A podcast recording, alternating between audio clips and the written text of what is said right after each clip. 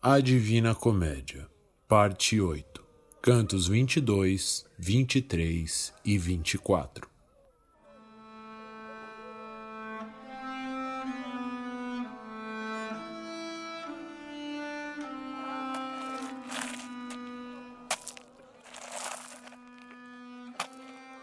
Seguimos os dez demônios. Durante a nossa jornada, eu pude ter uma noção melhor de todo o vale e do breu fervente. Observei que, como os golfinhos que mostram suas costas acima da água, eventualmente um pecador mostrava as suas para aliviar por um instante seu sofrimento, e logo mergulhava. Os outros ficavam à beira da fossa, mas submergiam assim que Barba Rica aparecia. Vi então um pecador que demorou para retornar à cauda fervente. Antes que o coitado pudesse submergir, Grafiacane o agarrou pelos cabelos. Os diabos gritavam. Obicante, enfia suas garras nas costas dele, esfola, rasga a pele. Os diabos se amontoaram sobre o pecador, o esfolando e dilacerando com seus garfos e dentes. No meio da confusão, saímos e continuamos nosso caminho sozinhos. Caminhávamos sem companhia, um na frente e o outro atrás. Durante a caminhada, voltei a pensar naqueles demônios. Se por nossa causa eles sofrerem dano, eles devem ficar irados. Considerando os seus maus instintos, certamente não deixarão de vir atrás de nós. Esse pensamento me deixava de cabelos em pé, e por causa do medo eu olhava para trás o tempo todo. Mestre, disse, eu temo que os Malebrante poderão nos encontrar. Eu os sinto, eu os ouço como se estivessem vindo. Seu temor agora juntou-se ao meu, e então vou procurar uma maneira de escaparmos. Se o declive à direita permitir a nossa descida à próxima vala, teremos como escapar do ataque imaginado. Mal tinha terminado de expor seu ponto, e os vi chegando com suas asas abertas, não muito longe, e iam nos pegar. Meu guia tomou-me no colo e de repente se jogou na rocha escarpada até escorregar na calha. Quando chegamos lá embaixo, os diabos já nos observavam do alto do precipício. Eles nos amaldiçoaram, irritados. Eles não podiam descer, pois eram proibidos de ultrapassar a quinta vala. Deixamos os diabos para trás e caminhamos pela quinta vala. Vimos gente colorida, de capuz caminhando lentamente usando capas de ouro brilhante por fora, mas de pesado chumbo por dentro. Eles sofriam e choravam, cansados pelo peso intenso. Meu guia, falei, enquanto caminhamos por esta vala, olhe em volta e me diz se vê alguém cujos feitos ou nome me seja conhecido. Antes que o mestre respondesse, me chamou a atenção um outro que sofria intensamente crucificado ao chão. O mestre disse: Este que tu vês crucificado, disse aos fariseus que era mais oportuno sacrificar um homem que atormentar todo um povo. Nu, ele jaz no caminho e, como vê, sente o peso de cada um que passa sobre ele. Todos os outros do seu conselho estão aqui também. Perguntei ao mestre como sairíamos dali sem pedir ajuda aos diabos.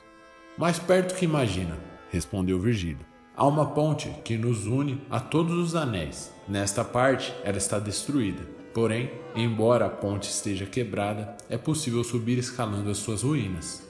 Seguimos em direção da ponte destruída, e ao chegarmos diante das ruínas da ponte, lá imediatamente recuperou seu semblante amável e otimista. Estudou por um instante as ruínas e abriu os braços para que eu apoiasse nele para realizar a subida. E assim subimos lentamente, ele me erguendo e eu abrindo caminho. Fosse o aclive mais íngreme ou mais longo, eu certamente seria vencido pelo cansaço. Em Malebolge, cada poço é mais baixo que o anterior, Portanto, a altura da subida deste lado era bem menor que a altura de nossa descida do lado oposto. Chegamos enfim à derradeira pedra da ruína. Eu estava tão exausto que assim que paramos aproveitei a oportunidade para sentar. O mestre não gostou. Precisa deixar o seu cansaço de lado, disse ele. Levanta, vence o cansaço e se anime. Mais longa escada nos aguarda. Com o ânimo se vence qualquer batalha, quando o corpo pesado não atrapalha.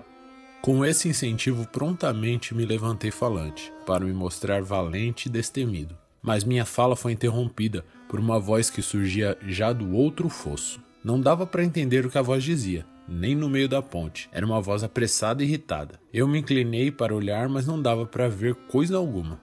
Mestre, pedi, que tal atravessarmos até o outro lado e descermos o muro? Aqui onde estamos eu só ouço e nada entendo.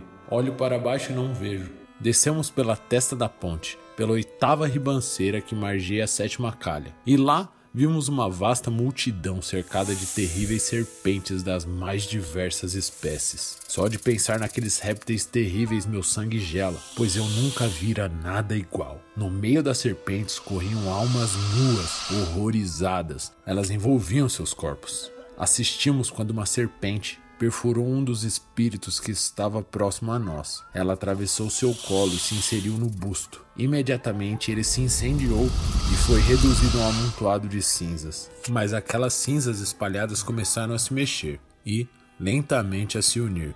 Foram se juntando sozinhas até que haviam formado um homem. Ele se levantou como se acordasse de um sono profundo. Estava pasmo e suspirava aflito. Eu estou aqui porque fui um ladrão. Antes que pudesse terminar, outra serpente mordeu-lhe na boca. E mais uma porção de outras víboras famintas atacaram o ladrão alma.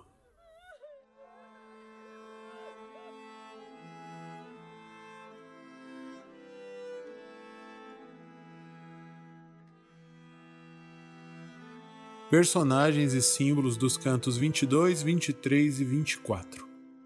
Os hipócritas aparecem vestidos de uma roupa brilhante, visualmente atraente, porém pesada como chumbo. O contrapasso é o peso que não sentiram na consciência ao pregarem uma coisa e fazerem outra. No inferno sentem finalmente o peso do seu falso brilho. O fariseu é Caifas, o alto sacerdote dos judeus, que propôs a morte de Cristo ao defendê-la perante os outros, dizendo: Vós nada sabeis, Vós não percebeis que convém que um só homem morra pelo povo e que não pereça toda a nação. Evangelho de João 11:50. Os ladrões recebem no inferno como contrapasso, retribuição, o roubo constante de seus corpos por serpentes e outros répteis, que os atravessam e os desintegram, roubando seus traços humanos.